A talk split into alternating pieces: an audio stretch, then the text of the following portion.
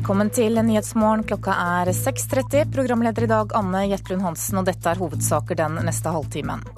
Grasrotpenger fra Norsk Tipping går til rumenske gatehunder og Liverpool-supportere. Frivillighet Norge mener ordningen åpner for misbruk. Og Det eh, syns vi er veldig beklagelig, fordi det er med å skade frivillighetens omdømme. Og det er med på å ta midler som skulle gått til god frivillig lokal aktivitet, bort fra de som egentlig skulle hatt det. Det mener Birgitte Brekke.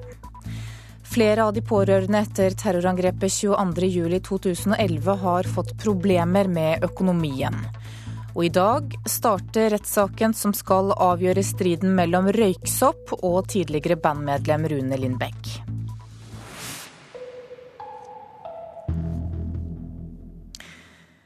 Fire år etter at ordningen kom, så finnes det fremdeles ingen kontroll med bruken av grasrotmidlene til Norsk Tipping. Pengene skal gå til lokal aktivitet i lag og foreninger, og i fjor så var potten på 340 millioner kroner. Mesteparten går til korps og idrettslag, men fortsatt så går deler av pengene til norske tilhengere av Manchester United og Liverpool, og en organisasjon som, som adopterer gatehunder fra Romania. Ja, jeg gir til Tveita idrettslag. Hvorfor det? Jo, for at der har jeg barnebarn som er med og spiller både håndball og de forskjellige ting. da. Hvem er det du gir penger til? Skeid. Hvorfor det? Jeg bor i nabolaget her. Den nederst der. Sveiva innebandyklubb. Yes. Der, jeg har en niese som eh, spiller der, skjønner du. Et besøk hos en tippekiosk i Oslo bekrefter statistikken fra Norsk Tipping. De fleste spillerne gir sin grasrotandel til lag og foreninger som driver lokalt. Siden 2009 har tusenvis av lokale lag og foreninger fått hundrevis av millioner. Men ordningen har vært så raus at den har blitt misbrukt flere ganger. Vi registrerer at eh, ordningen bare delvis har nådd intensjonen. Birgitte Brekke i paraplyorganisasjonen Frivillighet Norge mener regelverket er så generelt at det innbyr til triksing og miksing. Regelverket for deltakelse i ordningen er såpass grovmasket at det har oppstått en del eh, situasjoner med illojale tilpasninger og misbruk av ordningen. Og det uh, syns vi er veldig beklagelig, fordi det er med å skade frivillighetens omdømme, og det er med på å ta midler som skulle gått til god frivillig lokal aktivitet, bort fra de som egentlig skulle hatt det. Oversikten fra Norsk Tipping viser at Liverpool supporterklubb i Mandal har fått over 10 000 kroner, og Manchester Uniteds supportere i Kristiansund har fått rundt 100 000 kroner. Også en organisasjon som adopterer gatehunder fra Romania får penger. Helt lovlig, fordi de er med i Frivillighetsregisteret. Dette er penger som skal gå til lokalt arbeid. Sier statssekretær Mina Gerhardsen i Kulturdepartementet, som nå er i ferd med å stramme inn reglene. Vi er opptatt av å bevare denne ordningen som ubyråkratisk og enkel for lokale lag og foreninger, samtidig som den må vernes mot misbruk. Det har vært en del tilfeller jeg har stilt spørsmål om dette er riktige formålsmottakere. Derfor strammer vi nå inn regelverket og tydeliggjør at dette skal være allmennyttige formål, og at det skal være åpne foreninger. Så vennegjenger kan ikke søke om grasrotmidler. Hva med organisasjoner som driver adopsjon av gatehunder fra Romania? Jeg vil ikke kommentere enkeltsaker, men eh, med vårt nye forslag så vil Lotteritilsynet få tilsynsmyndighet både til å følge med eh, generelt, eh, til å ta imot tips og til å ta stikkprøver for å se om det er samsvar mellom forskriften og de som mottar gassutmidler. Reporter her, det var Fredrik Lauritzen. Utredningssjef Stian Slåtterød Johnsen i Frivillighet Norge, velkommen til Nyhetsmorgen. Takk for det. Du er kritisk til forskriftsendringen som departementet har foreslått. Hvorfor det? Ja, altså Vi i Frivillighet Norge mener vel at uh, Kulturdepartementet her har stilt en riktig diagnose, uh, men at de kanskje har valgt litt feil medisin når det gjelder de endringsforslagene som, som de kommer med. Og vi er jo helt enig med deres intensjon, nemlig at her er det viktig med tydelighet omkring hvem som, mot, hvem som skal motta disse grasrotmidlene, sånn at man sikrer at de går til formålet, nemlig å støtte lokale korps, kor, idrettslag, speidergrupper osv. som driver med aktivitet i lokalmiljøene. Ja, hvorfor er medisinen feil? Det vi mener er at de, de tiltakene som, som, foreslås av Kulturdepartementet, kanskje ikke treffer helt, og det er to grunner til det. Det ene er at vi, vi ser ikke helt hvordan de, de, har jo foreslått mange tiltak, men flere av de mener vi ikke vil fange opp disse tilfellene med misbruk og, og illojale tilpasninger. Og I tillegg så mener vi at man påfører de andre legitime brukere av ordninga en, økt byråkratisk byrde med en del forslag. For så foreslår jo Kulturdepartementet at man skal at man skal dokumentere frivillig innsats i de uh, organisasjonene som skal motta grasrotmidler. Og det, det mener vi er en uheldig utvikling hvis det offentlige skal begynne å kreve i tilskuddsordninger at man skal dokumentere at man driver med utgangspunkt i frivillig innsats. Vi kan ikke se hvordan det skal uh, kunne gjøres på en, på en, god måte uten at det samtidig blir veldig mye mer tungvint å drive uh, lokal aktivitet. Ja hva, ja, hva, må gjøres da? Uh, Frivillighet Norge foreslår heller å ta utgangspunkt i Frivillighetsregisteret, som ble innført parallelt med grasrotandelsordninga. Eh, vi mener vel egentlig at eh, problemene som vi ser med grasrotandelen, henger veldig nært sammen med at vi har et frivillighetsregister som ikke fungerer optimalt. Eh, frivillighetsregisteret er for grovmaska. Det er for få organisasjonskategorier som, som, kan registreres, og man har ikke nok gode data i registeret per i dag, sånn at det reflekterer den frivilligheten som faktisk finnes. Og dermed så fungerer heller ikke det registeret som et Eh, et, et, verktøy som myndighetene kan bruke i både denne ordninga og andre ordninger. Eh, så Vi ville gjerne hatt mer fokus på hvordan vi kan få et frivillighetsregister som blir mer komplett, med, eh, med hvor sentralledd i organisasjoner kan legge inn data om sine underledd for å sikre kvaliteten, og som, hvor organisasjonene kan rapportere sine regnskap, og man der, derigjennom kan bruke frivillighetsregisteret Eh, som et verktøy for å følge opp både grasrotmottakere og mottakere av andre tilskuddsordninger. Ja, hva gjør det med omdømmet til de frivillige organisasjonene at ordningen blir misbrukt, sånn som vi hørte om i innslaget her? Ja, Det er jo nettopp det som er problemet. at uh, vi, vi, frykter at omdømmet til de frivillige organisasjonene kan bli skadelidende hvis man får uh, stadig historier hvor, uh, hvor, det er uklart om midler går til mottakere som egentlig er berettiget. Eh, hvis det skapes et inntrykk av at eh, frivillige organisasjoner er en gjeng med lurendreere som, som driver og tilpasser seg til, for å få mest mulig penger, så er jo det svært uheldig. Eh, og sånn er det jo absolutt ikke. Og de frivillige organisasjonene har veldig høy tillit til befolkninga, og det er det de lever av. De lever jo av at folk legger ned frivillig arbeid, og at de donerer penger til, til organisasjonene så de kan drive sine aktiviteter. Men hvis hvis tilliten svekkes, så vil det gå utover alle frivillige organisasjoner. Så Derfor er vi veldig enig i at uh, man bør gjøre noe med denne ordninga, sånn at vi unngår flere tilfeller hvor det er uklart om uh, en mottaker faktisk er berettiget midler. Stian Sløtterøy Johnsen, takk for at du kom til Nyhetsmorgen. Da skal vi høre at eh, flere av de pårørende etter terrorangrepet 22.07.2011 har fått problemer med økonomien. Det sier Støtteforeningen i Vestfold. Utgifter til psykolog og andre utgifter i en vanskelig tid gjorde at en familie i Svelvik mistet grepet. Hos Elisabeth Waldenstrøm i Svelvik er sønnen Glenn Martin på besøk. I stua sitter han med kjæresten sin. Glenn Martin ble skutt i halsen av terroristen 22.07, men vil ikke lenger snakke om det. Elisabeth lukker derfor døren inn til kjøkkenet, som nesten er ferdig pusset opp. Hun forteller om livet etter 22.07, og at de nesten mistet huset. Vi var mest opptatt av hvordan eh, sønnen min hadde det. Hvordan han klarte seg. Skjerme han. Gjøre det litt ekstra koselig hjemme. Det var mye utgifter i forbindelse med egenandeler.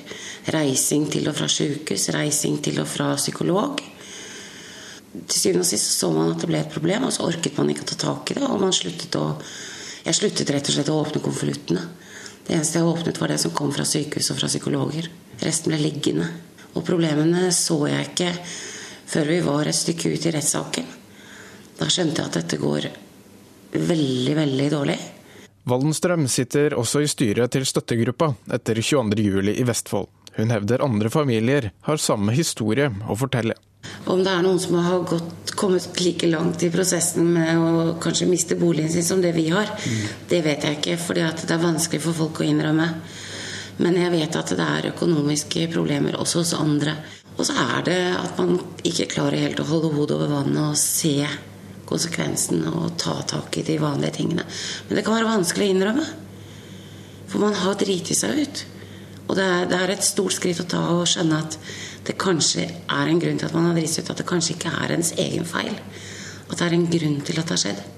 Og støttegruppa ønsker nå å fokusere sterkere på konsekvensen etter 22.07. De utfordrer derfor kommunene og Fylkesmannen i Vestfold til å kartlegge hvordan pårørende har det. Fylkeslege Svein Lie sier dette er noe alle må samarbeide om. Det er jo viktig å kartlegge, men, og de kartleggingene som har skjedd, de har skjedd også i Vestfold, både fra Støtteforeninga og fra Helsedirektoratet. Men de er anonyme. og Dermed så kan vi vite at det finnes noen som har eh, et uløst problem, men vi vet ikke hvem det er. så Derfor så blir det, til tross for at dette har vært en trist og alvorlig og tragisk situasjon, allikevel nødvendig at de som er i et aktuelt problem, tar kontakt med sine kontaktpersoner, behandlere, fastlege eller andre, som kan veilede til hvorledes en kan få tatt opp f.eks. økonomiske problemer. For Elisabeth Waldenstrøm er det i ferd med å ordne seg noe. Hun har fått hjelp av Nav til gjeldsrådgivning, og tror på en lys framtid. Vi har nok eh, kommet litt mer ovenpå, men vi, vi, har våre ting. Og det kommer vi sikkert alltid til å ha. Og det kommer alltid til å prege familien. Men 2013, eh, da skal alt snu. Da skal alt bli bedre. Reporter her, det var Fredrik Hansen. Synes du at du får god nok informasjon når toget ditt blir forsinket? Sju av ti pendlere svarer nei på dette spørsmålet i Forbrukerrådets undersøkelse. Jernbaneverket sier at de jobber med å bli flinkere. Det skal gå 15.44. Det er ikke kjangs til å gå 15.44. Det står ingenting om at det er forsinket. Tore Lorentzen peker på tavlen over spor 12 på Oslo S. Sammen med en flokk andre pendlere venter han på toget hjem til Lillestrøm. Et tog som allerede er noen minutter forsinket.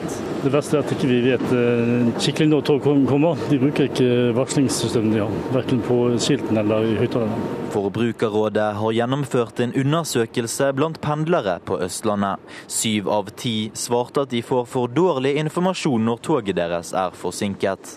Jernbaneverket må bli flinkere, sier fagdirektør i Forbrukerrådet Anne Rygg. Når det er så mye problemer med togdriften, så er i hvert fall informasjon veldig viktig. Eh, og når syv av ti i vår undersøkelse sier at eh, informasjonen de får oppleves lite nyttig, så syns jeg det er et veldig høyt tall. Rundt 150 pendlere deltok i undersøkelsen til Forbrukerrådet, og mest frustrasjon ser ut til å være hos pendlerne på Østfoldbanen. Jernbaneverket på sin side sier de blir stadig bedre på å opplyse reisende om forsinkelser. Vi har blitt mye bedre på å gi kundene informasjon, det ser vi også på de tilbakemeldingene vi får, men vi er eh, langt ifra i mål. Vi jobber sammen med Ruter og NSB for å gi kundene enkle valg når det er avvik i togtrafikken, slik at den har alternativ transport å, å ty til hvis det skulle være avvik i trafikkavviklingen på tog. Dette sier trafikkinformasjonssjef i Jernbaneverket, Viktor Hansen, som selv er pendler. Da skal jeg gå på toget til Brumunddal, og det kom i rute til Oslo SC, og alt ligger til rette for at det skal reise i rute. Men hva med de andre pendlerne ved spor 12? Vi foretar vår egen lille undersøkelse.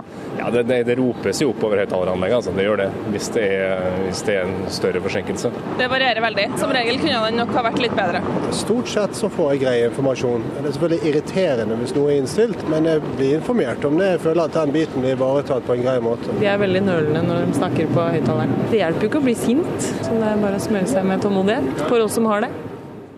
Reporter her, det var Philip André Bårøy. Da skal vi ta en kikk på dagens aviser og se hva de har på forsidene sine i dag. Millionspill om Kongo-fangene er oppslaget i Dagbladet. Miljøvernminister Bård Vegar Solhjell er i Kongo nå for å overrekke 213 millioner norske regnskogkroner. Samtidig skal han forsøke å forhandle fri dødsdømte Kjostolf Moland og Joshua French. Det er blitt mye vanskeligere å være geni, det sier en professor i biologi til Dagens Næringsliv. Han mener nerdene og geniene taper kampen om jobbene ved universitetene. Det er full krangel om barnehagene i Oslo, skriver Dagsavisen. Kommunen selv sier at barnehagene er godt bemannet, men nå slår Utdanningsforbundet tilbake med statistikk som viser at barnehagene i hovedstaden har færrest pedagoger av de store byene her i landet. Stavanger Aftenblad skriver at oljenæringen mangler folk innenfor flere fagfelt, deriblant isolasjon, stillas og overflate. Fagforbundet Safe mener lav lønn er årsaken til problemene. Tidligere KrF-leder Dagfinn Høybråten sier til Vårt Land i dag at han ikke lukker døra for et regjeringssamarbeid med Arbeiderpartiet. Han deltar på sitt siste møte i Stortinget denne uka, men han utelukker ikke et comeback. Adresseavisen forteller at Trondheim flyter av søppel. Folk setter fra seg søppel på bakken rundt de store returpunktene fordi konteinerne er fulle, og problemet blir bare verre og verre, ifølge avisa.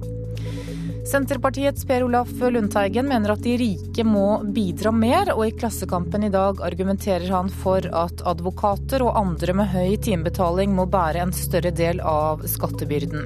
Samtidig kritiserer han sentralbanksjefen og finansministeren, som ber vanlige folk om å jobbe mer. Tre av fem er fornøyd med hastigheten på bredbåndet der de bor. Det skriver Nasjonen i dag. Og sør- og vestlendinger er de som er aller mest fornøyd med tilbudet. VG gir deg en oversikt over de beste hyttekjøpene i fjellet, i prisklassen fra 300 000 til 3 millioner kroner.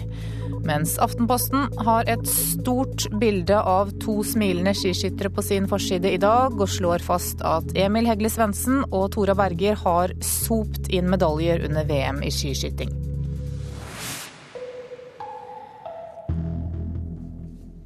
Vi skal fortsette litt med skiskyting her i Nyhetsmorgen. For oppskriften på suksessen i skiskytter-VM er det gode samarbeidet mellom kvinnene og herrelagene utenfor konkurranse. Det mener ledelsen i skiskyttermiljøet. De norske utøverne fikk åtte gull i Nove Mesto, og Emil Hegle Svendsen tok fire av dem. Den flyten vi har hatt, er bare helt uh, utrolig. og Sånn som, sånn som denne skal vi virkelig suge på karamellen når det først skjer. For det, det er sjelden at det, ett land har sånn flyt i et mesterskap. Det, det er helt uh, vanvittig. Det vanvittige VM ble avsluttet i går med gull til Tarjei Bø, sølv til Tora Berger og bronse til Emil Hegle Svendsen. Samarbeidet på tvers av landslagene er grunn til suksess, mener herretrener Espen Nordby Andersen. Så skal vi ha et trivelig miljø på laget og liksom alle syns det er gøy å drive med dette her. Det blir mange reisedøgn eh, gjennom et år og det er viktig at vi går godt overens. Det er gull verdt når vi kommer til et VM og et langt mesterskap med mange dager og konkurranser over lang tid. At det er gull verdt, beviste de i Nove Mesto. Kvinnetrener Egil Gjelland mener sosialiseringen kommer naturlig. Naturen er vel sånn at mannfolk er tiltrukket av kvinnfolk, og kvinnfolk er tiltrukket av mannfolk. Så det, det, det sosiale utenom er viktig. altså. Det gode samholdet hjelper også på de individuelle prestasjonene, påstår skiskytterpresident Tore Bøygard. Og De har vært gode på å bygge lag. Jeg opplever dette her som et fantastisk lag som er på tur. altså.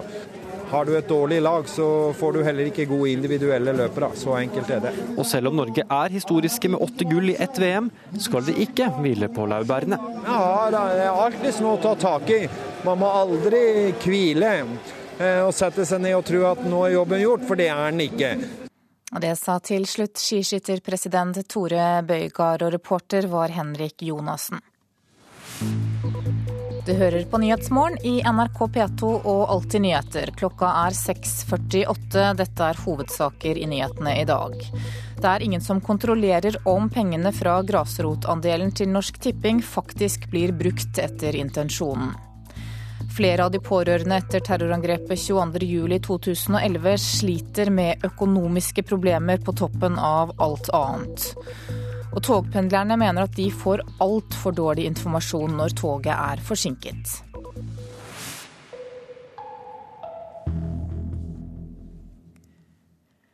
Noen av oss går til den samme frisøren i årevis, mens andre prøver lykken hos en ny salong hver gang.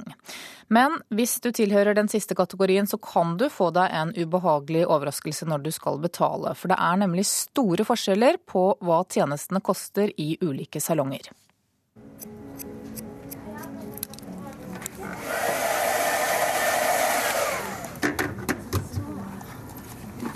Skal vi ta litt i, da? Det er deilig å bli dulla med hos frisøren. Og for Britt Thoresen her er det litt ekstra luksus i hverdagen. Men noen ganger blir det lille ekstra ganske mye.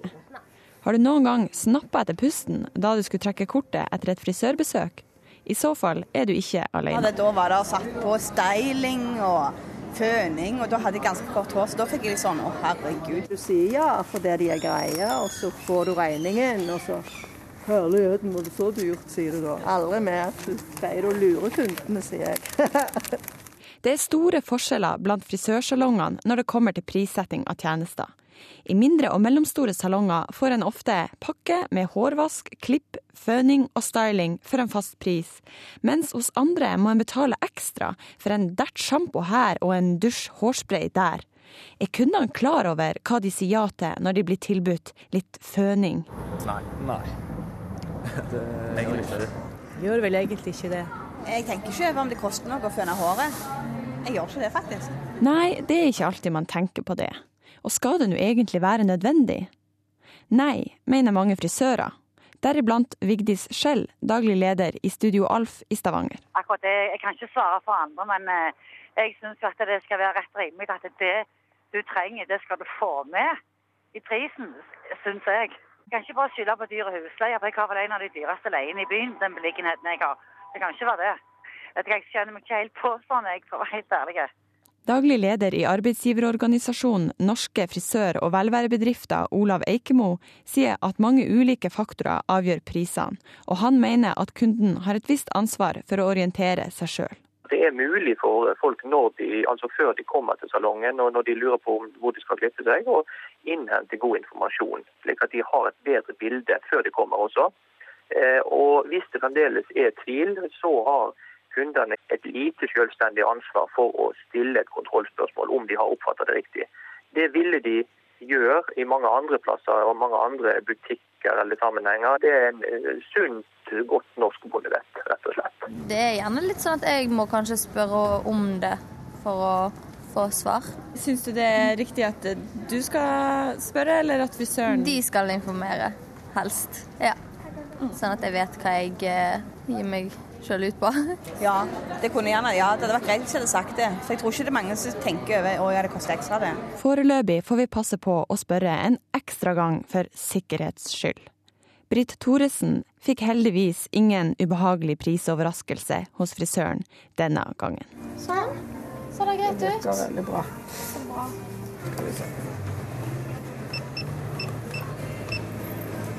Vil du ha kvittering? Ja takk.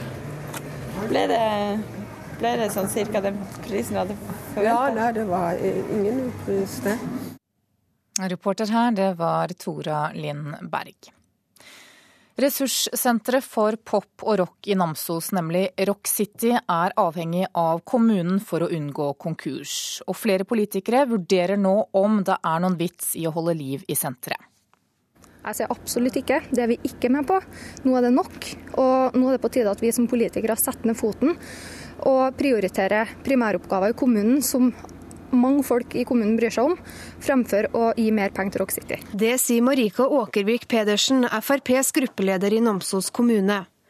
Rock City sliter med flere millioner kroner i underskudd og må derfor ut på tiggerferd. Både Kulturdepartementet og Nord-Trøndelag fylkeskommune har sagt nei. Nå ser det ut til at kommunen er det eneste som kan redde Namsos stolthet. Jeg er skeptisk til å øke forpliktelser fra Namsos kommune. Jeg tenker om konkurs at det kan være et alternativ.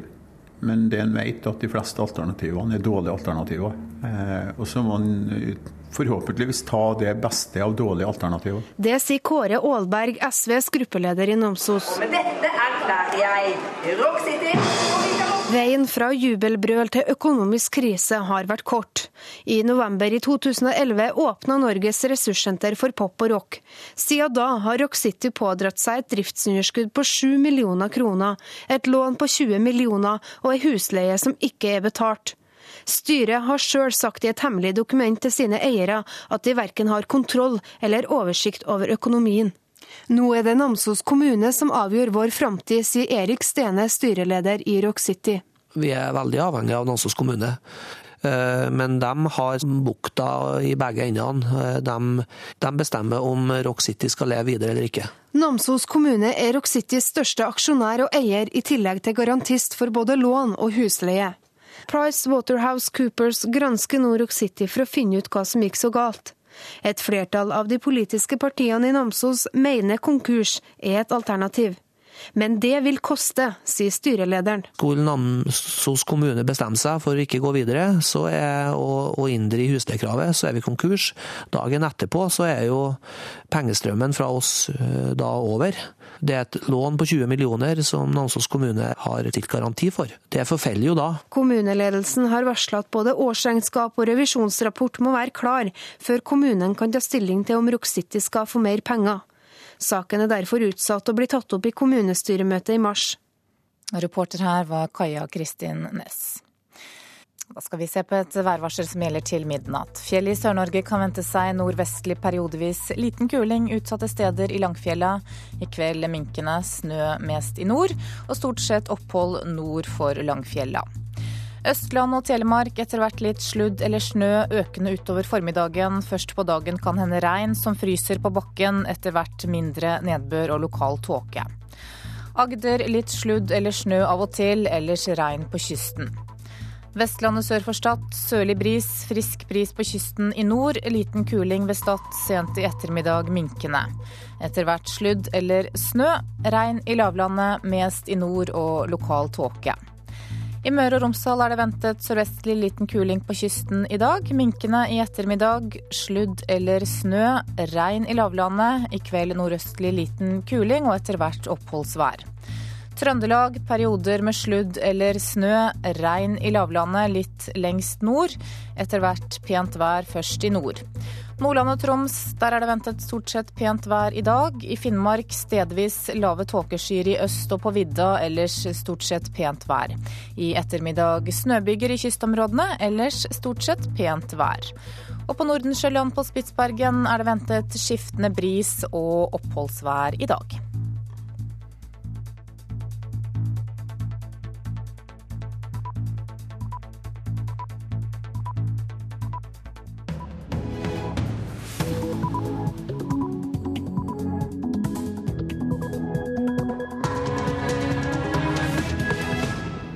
Klokka er sju. Du lytter til Nyhetsmorgen med Anne Jetlund Hansen i studio. Her er en nyhetsoppdatering.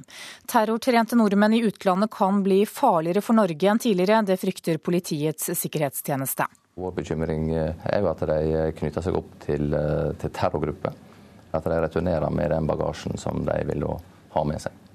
Sier analysesjef i PST Jon Fitje. Mange syke faller utenfor støtteordningene for tannlegebehandling. Jeg tror vi har langt igjen til at eh, refusjonsordningene er gode nok når det gjelder tannhelse. Og Det er jo derfor at vi har jobba jevnt og trutt med å få endra det og fått inn nye grupper eh, hele tida. Sier Arbeiderpartiets Sonja Mandt. Flere av de pårørende etter terrorangrepet 22.07.2011 sliter med økonomiske problemer på toppen av alt annet. Det er ingen som kontrollerer om pengene fra grasrotandelen til Norsk Tipping faktisk blir brukt etter intensjonen. Og Det eh, syns vi er veldig beklagelig, fordi det er med å skade frivillighetens omdømme. Og det er med på å ta midler som skulle gått til god frivillig lokal aktivitet, bort fra de som egentlig skulle hatt det. Sier Birgitte Brekke i paraplyorganisasjonen Frivillighet Norge. Og faren for terrorangrep og vold i Libya toner ned toårsmarkeringen for Gaddafis fall. Politiets sikkerhetstjeneste er bekymret for nordmenn som får kontakt med ekstreme islamister i utlandet. Frykten for dette miljøet blir en sentral del av rapporten til de hemmelige tjenestene som legges fram i dag. En nordmann fikk mye oppmerksomhet i fjor da han ble ettersøkt over hele verden, mistenkt for å ha fått terrortrening av Al Qaida i Jemen.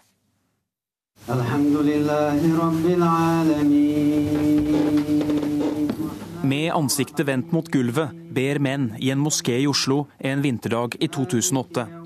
En av dem er 29 år, etnisk norsk og har nylig blitt muslim. NRK er tilfeldigvis på besøk og intervjuer ham. For meg så var det veldig mange veier som jeg søkte på. Og til slutt så ble det islam. Tror du at du kommer til å endre den veien noen gang? Nei. Hvorfor ikke det? Nei, for jeg har aldri vært så sikker på en ting i hele mitt liv. Så det er irreversibelt. Etter dette skjer det noe med ham. I 2012 blir han ettersøkt over hele verden, mistenkt for å ha fått terrortrening av Al Qaida i Jemen. Han er en av flere som reiser fra Norge, og som PST mener har kontakt med ekstreme islamister i utlandet. Nordmenn som deltar i væpnet kamp, og som får opplæring i treningsleire til terrorister. PST frykter de kan utføre terrorangrep mot Norge når de kommer tilbake. Selv sa nordmannen som senere dro til Jemen at vold ikke hadde noe med islam å gjøre, da han ble intervjuet i 2008. Hvis det finnes voldelige muslimer, så er de voldelige. Ferdig med det. Det har ikke noe med islam å gjøre. Det er voldelige, men voldelige mennesker.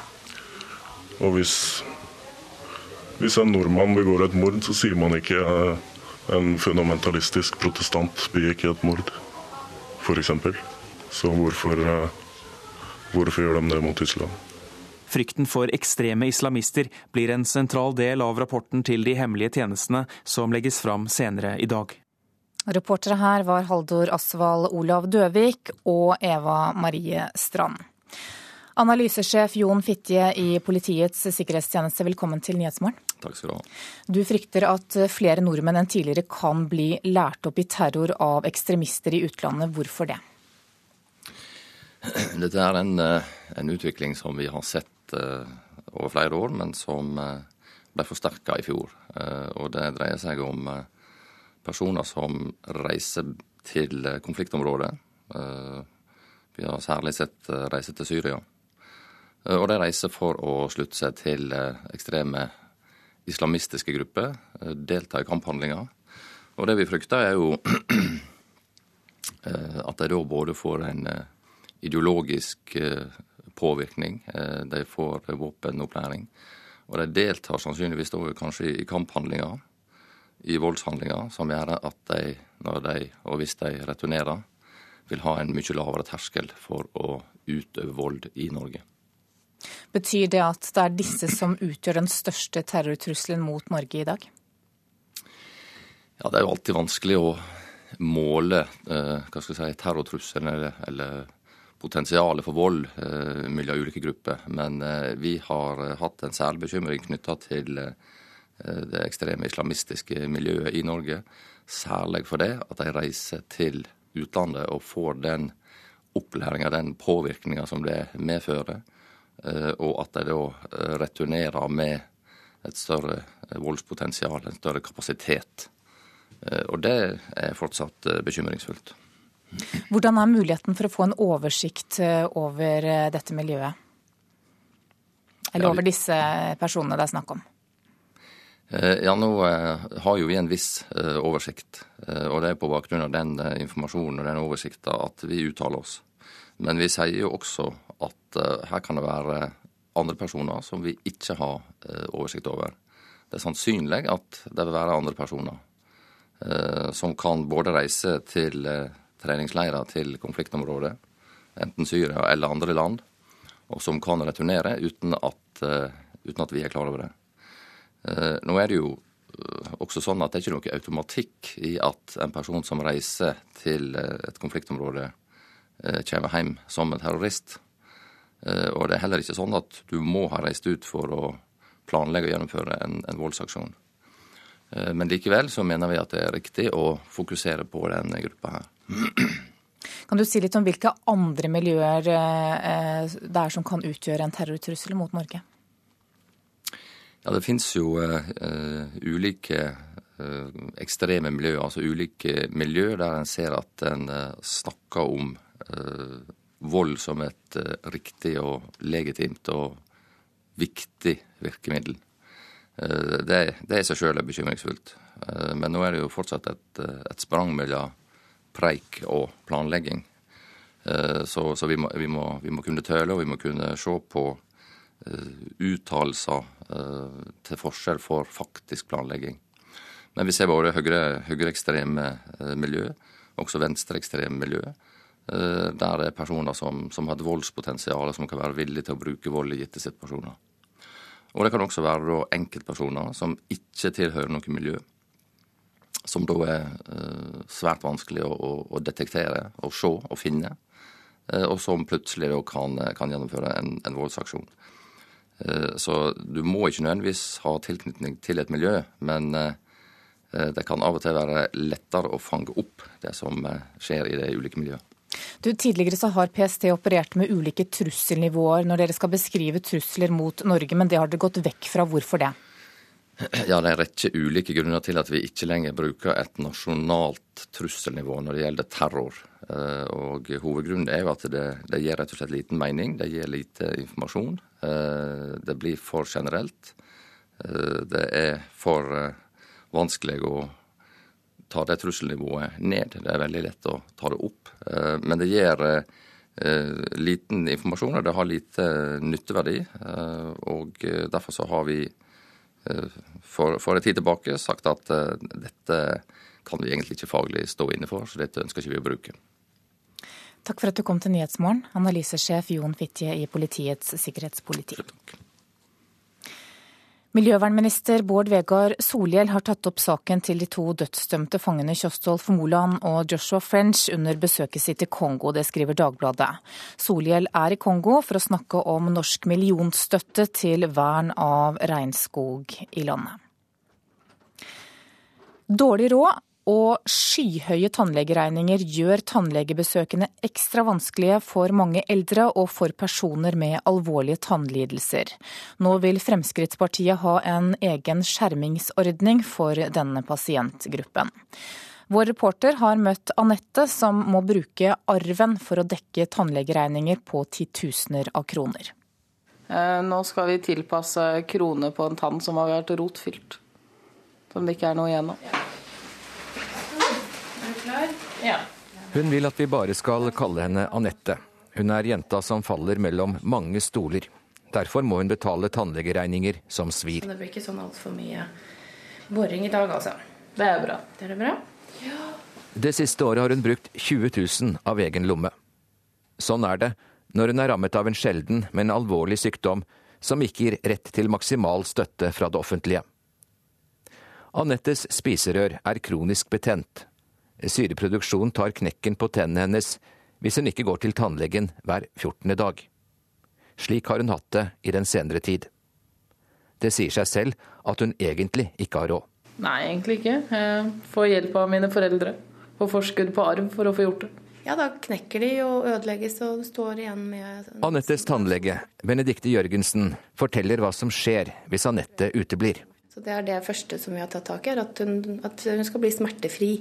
Og Det er jo liksom vårt, vårt mål, det gjør henne smertefri. Jeg syns dette er en klar illustrasjon på at her har vi et eh, forsømt felt i norsk eh, helsevesen. Det sier Jon Jæger Gåsvatn, som sitter i helse- og omsorgskomiteen for Fremskrittspartiet. Anette er for ham et av mange eksempler. Eldre som får dårlig tannhelse pga. medikamenter, er en annen gruppe som har behov for støtte. Nå vil Fremskrittspartiet ha en egen skjermingsordning for pasienter med store tannlegeutgifter og for pasienter med dårlig råd. Det betyr jo at eh, en form for et, eh, et egenandelstak, kan man jo si. At eh, du må opp til en viss sum, eller, eller, ha en viss andel som da det offentlige skal hjelpe deg med økonomisk for at du skal kunne klare å få gjennomført behandlingen. Så her må det helt andre virkemidler til og støtte fra det offentlige for å få hjulpet denne type pasienter. Jeg tror vi har langt igjen til at refusjonsordningene er gode nok når det gjelder tannhelse. Sonja Mandt fra Arbeiderpartiet synes det gjør vondt å høre historien om Anette. Og Det er jo derfor at vi har jobba jevnt og trutt med å få endra det og fått inn nye grupper hele tida. Men det hjelper ikke Anette. Ikke nå. Noen får dekket tre firedeler av tannlegeregningene sine. Anette får i underkant av halvparten tilbake fra det offentlige. Hun må fortsatt bruke av arven. Skal vi ta halvparten, eller vil du ha Ja, vi kan sikkert gjøre det. Hvis du tar 15 nå, da.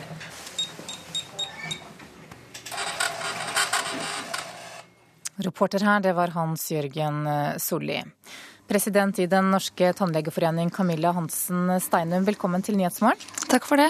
Du, hvor mange er det som Anette her i landet som egentlig ikke har råd til å holde tennene ved like? Det vi vet er jo at de fleste har god tannhelse og klarer seg greit, men vi ser jo også at det er en, en ganske stor gruppe som dessverre faller utenfor de ordningene vi har, og som får store tannlegeutgifter. Og det er jo disse vi må prøve å hjelpe.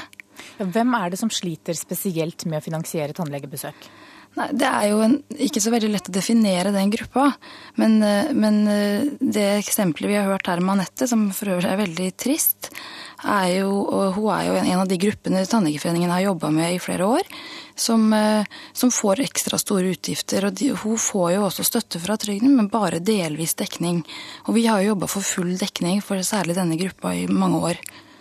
Kan du si litt, Hvordan fungerer hjelpen til å dekke tannutgifter i dag? Det er jo sånn at De fleste betaler sin egen tannlegeregning. Ja, vi vet jo at over 65% har mindre enn 2500 i utgifter. Så de fleste har i hvert fall overkommelige utgifter til tannlegebehandling. Eh, men så er det de store gruppene som, som havner utenfor, og det er jo ofte pga. sykdommer eh, andre steder i kroppen, f.eks. At man bruker medikamenter og en del sånne ting som gjør at man får ekstra store utgifter. Hva syns dere om det? Nei, Vi i Tannlegeforeningen er vi opptatt av at alle skal ha mulighet til å ha en god tannhelse. Så vi ønsker jo at de som trenger det mest, og de som faller utenfor, skal få enda bedre støtteordninger enn det vi har i dag. Og så foreslår Frp, som vi hørte her, en skjermingsordning for utsatte grupper. Hvordan ser du på det? Vi har sagt at vi er, er, ikke så opptatt av hvordan kanskje pengene fordeles, men vi er opptatt av målretta tiltak for de som trenger det mest. Og det vi vet i dag, er at den, den ordningen vi har fungerer ganske godt. Hvis den kunne utvides og, og, og kanskje også inkludere flere grupper, så er det, eh, den løsningen syns vi er veldig god. Vi er redd for at en sånn skjermingsordning, eh, at den inngangsbilletten til den ordningen vil bli dyr. I dag har jo disse gruppene eh, refusjonsordning fra første krone. Så vi er redd for at den, den egenandelen skal bli for høy da, for de som trenger det aller mest. Hvilke konsekvenser får det for folk som ikke har råd til å dekke tannlegeutgifter? Nei, Det vi vet, og det som gjør at den norske tannhelsemodellen har vært så, så, god, er jo at vi har hatt et stort fokus på forebygging. Og det er viktig å gå regelmessig, og de som ikke gjør det, de kan fort havne i en sånn situasjon. Så vi mener jo at det er veldig viktig å fokusere på forebygging, og at folk går regelmessig til tannlegen. Takk skal du ha, Camilla Hansen Steinum, president i Den norske tannlegeforening. Det er klokka 7.15. Du hører på Nyhetsmorgen i NRK P2. Dette er hovedsaker i dag. Politiets sikkerhetstjeneste kommer med sin trusselvurdering i dag. Frykter at terrortrente nordmenn i utlandet kan bli farligere for Norge enn tidligere. Mange syke faller utenfor støtteordningene for tannlegebehandling. Og etter fire år med Norsk Tippings grasrotandel, så er det fortsatt ingen kontroll med hva pengene faktisk går til.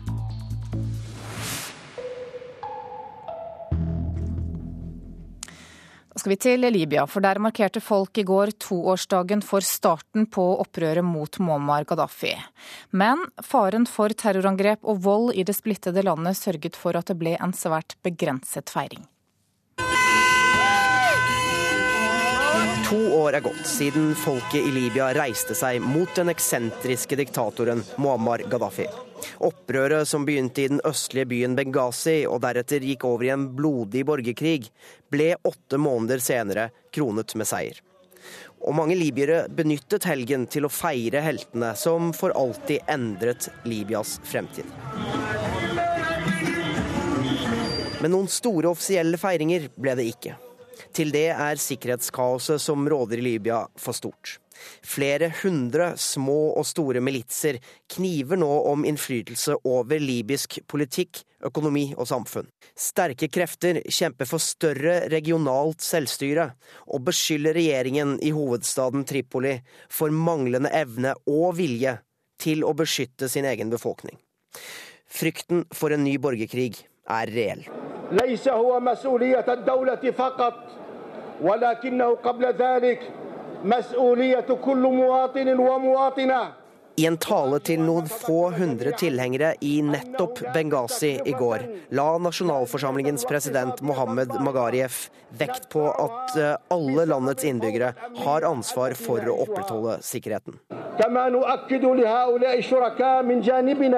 Vi vil forsikre de landene som støttet revolusjonen at Libya ikke vil bli et arnested for terrorisme, sa Magariev, som ga mediene i landet mye av skylden for den stadig økende splittelsen. Reporter her, det var Stig Arild Pettersen. Line Fransson, du er journalist i Dagbladet og skriver bok om Libya, der du følger en familie som har måttet flykte tre ganger. Aller først, hva har skjedd i Libya siden revolusjonen? Det har jo skjedd eh, ekstremt mye siden revolusjonen starta. Det var jo da, som de sa her, åtte måneder med blodig borgerkrig. Hvor mange tusener døde? Det er ennå ikke klart hvor mange. Så var det en eh, midlertidig regjering som styrte. Ble kritisert for ikke å ha gjort noen ting, eh, med rette. Og så hadde de valg i juli i fjor, som ble rost i skyene av eh, observatører og andre. og så har de brukt ganske lang tid på å funne en regjering som faktisk fungerer. Men nå, for to måneder siden, så er det kommet en regjering som ser ut til å faktisk prøve å gjøre noe med, da spesielt med sikkerhetssituasjonen. Hvordan er hverdagen for innbyggerne i landet nå i forhold til hvordan den var før opprøret? Eh, det var som jeg så en skrev, skrev, på Twitter i går, at for to år siden så, så turte de ikke engang å skrive G, bare, altså G for Gaddafi på Twitter eller Facebook. Nå eh, kan de si akkurat hva de mener, og gjør det hele tida. Sånn at eh, folk flest eh, har jo på en måte de er blitt glad i landet sitt, de er stolte av landet sitt. Eh, de sier hva de gjør, eh, nei, sier hva de vil. Eh, de stiller opp til politiske partier, de setter i gang charities, altså hjelpeorganisasjoner for å hjelpe, hjelpe andre libyere. Så de føler på en måte at de har fått landet sitt tilbake. Du har også fulgt en familie gjennom to år. Hva forteller de familiemedlemmene som du har møtt deg? Um, den ene sønnen han var en av uh, opprørslederne i Misrata. Uh, og sliter vel fremdeles uh, mye med, med, det han opplevde i den perioden der. mange har drept venner osv. Men, men i går hadde de stor fest i hjemmet sitt. Noen, var, noen, er i London. altså barn, barn og kvinner er fremdeles i London, og så er mennene i Libya for å bygge opp landet. Sånn at de eh, er veldig altså de er optimistiske, og de er veldig glade og stolte. Hvordan har du opplevd å følge den familien? Eh, det har vært en eh, spennende reise, som heldigvis ikke er slutt enda. Det handler om på en måte å Når du lever i et liv hvor du du, du, vet ikke hvor dagen ender pga. at det er en psykopat av en diktator som styrer og som kan gjøre hva som helst med livet ditt. Eh, nå er det opp til alle eh, å skape sin egen framtid. Eh, de gjør så godt de kan. Det er mange nedturer. De ser at det vil ta lang tid, kanskje fem, til og med ti år. Men de har håp, og de er glad i landet sitt. Mm. Vi hørte litt om det innslaget her, men altså folk er opptatt av sikkerhet. Hvordan klarer myndighetene å ta vare på sikkerheten til de som bor i landet nå? Eh, det har gått eh, rundt 15 måneder, drøye 15 måneder siden borgerkrigen eh, var slutt og, Libya ble erklært for fritt. I staten så har det vært lokale militser som, som har styrt. Noen ganger bra, andre ganger absolutt ikke. Det er mange små konger som lever rundt i Libya og som på en måte har fått styre selv. Men nå i løpet av de siste to månedene så begynner de å få bygget opp både en politistyrke og en militærstyrke som gjør at ting forhåpentligvis blir bedre. Det er langt fra, fra over, eh, og det kommer til å komme mange nedturer. Men det tok jo tross alt eh, noen tiår å skape den franske femte republikken, og det vil jo også gjøre det samme i Libya. Takk for at du kom til Nyhetsmorgen, Line Fransson. Russiske forskere har funnet rester av meteoritten som eksploderte i luften i nærheten av byen Tsjelebajinsk før helgen. Det opplyser det føderale universitetet i Ural til russiske medier. Meteorittrestene er funnet i en innsjø i nærheten. Ifølge russiske myndigheter så ble over 1000 mennesker skadd. Da skal vi ta en kikk på dagens aviser og se hva de har på forsidene sine i dag. Millionspill om Kongo-fangene er oppslaget i Dagbladet. Miljøvernminister Bård Vegar Solhjell er i Kongo nå for å overrekke 213 millioner norske regnskogkroner. Samtidig skal han forsøke å forhandle fri dødsdømte Kjostolv Moland og Joshua French. Det er blitt mye vanskeligere å være geni, det sier en professor i biologi til Dagens Næringsliv i dag. Han mener at nerdene og geniene taper kampen om universitetsjobbene. Det er full krangel om barnehagen i Oslo, det skriver Dagsavisen. Kommunen sier selv at barnehagene er godt bemannet, men nå slår Utdanningsforbundet tilbake med statistikk som viser at barnehagene i hovedstaden har færrest pedagoger av de store byene her i landet. Stavanger Aftenblad skriver at oljenæringen mangler folk innenfor flere fagfelt, deriblant isolasjon, stillas og overflate, og fagforbundet Safe mener lav lønn er årsaken til problemene. Tidligere KrF-leder Dagfinn Høybråten sier til Vårt Land i dag at han ikke lukker døra for et regjeringssamarbeid med Arbeiderpartiet. Han deltar på sitt siste møte i Stortinget denne uka, men han utelukker ikke et comeback. Adresseavisen forteller at Trondheim flyter av søppel. Folk setter fra seg søppel på bakken rundt de store returpunktene fordi konteinerne er fulle, og problemet blir bare verre og verre, ifølge avisa. Senterpartiets Per Olaf Lundteigen mener at de rike må bidra mer. I Klassekampen i dag argumenterer han for at advokater og andre med høy timebetaling må bære en større del av skattebyrden. Samtidig kritiserer han sentralbanksjefen og finansministeren, som ber vanlige folk om å jobbe mer. Tre av fem er fornøyd med hastigheten på bredbåndet der de bor. Det skriver Nasjonen i dag, og det er sørlendingene og vestlendingene som er de som er mest fornøyde. VG gir deg en oversikt over de beste hyttekjøpene i fjellet i prisklassen fra 300 000 til 3 millioner kroner. Mens Aftenposten har et stort bilde av to smilende skiskyttere på sin forside i dag, og slår fast at Emil Hegle Svendsen og Tora Berger har sopt inn medaljer under VM i skiskyting.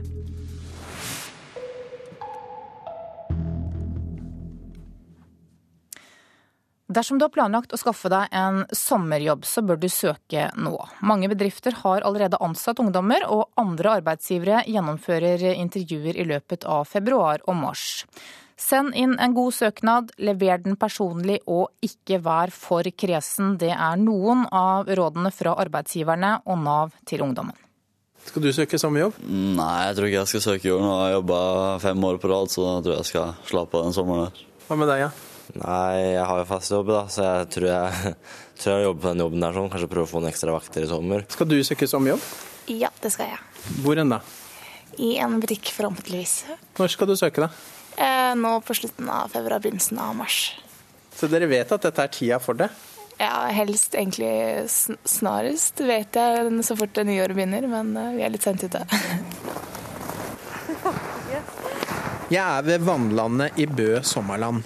Skjønt, her er det verken vann eller sommer, men snø opp til knærne. Likevel er det nå hundrevis av ungdommer får jobbtilbud fra Sommerland, forteller personalansvarlig Gunhild Gåra. Vi trenger uh, litt under 300 kjempemotiverte og blide ansatte fra 16 år og oppover. Er det stort påtrykk for å få disse jobbene? Ja, det er det. Vi får inn veldig mange søknader. De siste åra har det ligget på over 1000 søknader. Den ansetter faktisk folk fra hele landet, også Sverige og Danmark og Island òg har mat, hatt, har matarbeidere fra. Når må man søke, da? Man bør søke nå. Um, det er nå det begynner å komme inn mye, og vi begynner å behandle søknader. Og begynner med intervju i slutten av februar, tenker jeg. Allerede så har jeg fått inn i litt over 100 kontrakter fra eh, folk som har jobba her tidligere. Og her er Navs råd om når du bør søke sommerjobb. Nå. For Anita Williams er markedskoordinator i Nav Telemark, og hun forteller at det er i disse ukene at mange sommerjobber fylles opp. Det er mange som holder på med den kabalen nå. Spesielt butikk ser vi nå at de holder på for fullt, så det er, det er nå. Eh, ikke, vent, ikke vent til mai-juni, da er det for seint. Ja, for mange har allerede ansatt sommerjobbene? Ja. De som, er, eh, de som, er, eh, store og gode og drevne på det her, og det er det mange bedrifter som er eh, både innenfor restaurant og butikk, de har begynt allerede før jul med å se på det. Og Williams mener at man ikke bør legge lista for høyt. Ja, altså, holder man på med en utdanning, så er det ikke sikkert at man bør tenke at jeg må jobbe med noe som ligner min utdanning. Men Hvis du ser på hva som er tilgjengelig da, av jobbtilbud gjennom Nav, hvilke sektorer, hvilke bedrifter og yrker er det det er behov for hjelp? Nesten samtlige kommuner i Telemark nå er ute og skal ha vikarer. Sykepleiere, helsearbeidere, renhold, parkeringsvakter osv. Og, og de er store i forhold til, til sommerjobber. Hvordan skal en søknad se ut da, for en ungdom som kanskje ikke har all verdens med erfaring? Den behøver ikke være så lang og utfyllende, men si prøv å få frem hva det er du kan bidra med. Fortell at du er villig til å jobbe, ikke ha ferie. Eh, at du er eh, interessert i bedriften. Eh, og at du også ser at det er en verdifull erfaring å jobbe i hos akkurat den bedriften. Og så er det òg det å, å være blid, være positiv og gi litt av det sjøl, da. Vi som holder intervjua, det vi har mest lyst, er jo at du skal få jobb. Vi vil jo at det skal være så bra som mulig og, å gjøre et godt intervju, så du trenger i hvert fall ikke være redd. Og det sa Gunhild Gåra fra Bø Sommerland, og reporter var Ken Willy Wilhelmsen. Danske postbud skal nå slippe å åpne døra ut mot trafikken og gå den lange veien rundt bilen for å komme frem. Post Danmark har nemlig kjøpt inn 125 nye postbiler, og de har rattet på høyre side. Vi innfører høyrestyrte biler for å øke trafikksikkerheten når budene skal ut av bilen for å levere post, og dette er noe de gjør over 500 ganger om dagen. Det sier distribusjonssjef Martin von Horsten i Post Danmark. Du hører på Nyhetsmorgen i NRK Piatto. Nå straks blir det Dagsnytt 7.30 med Ragnhild Bjørge. Og etter dagens utenriksreportasje så blir det Politisk kvarter klokka 7.45. Det skal handle om familiepolitikk der i dag. KrF møter Høyre til debatt. Produsent for Nyhetsmorgen i dag, det er Vidar Eidhammer, og her i studio, Anne Jetlund Hansen.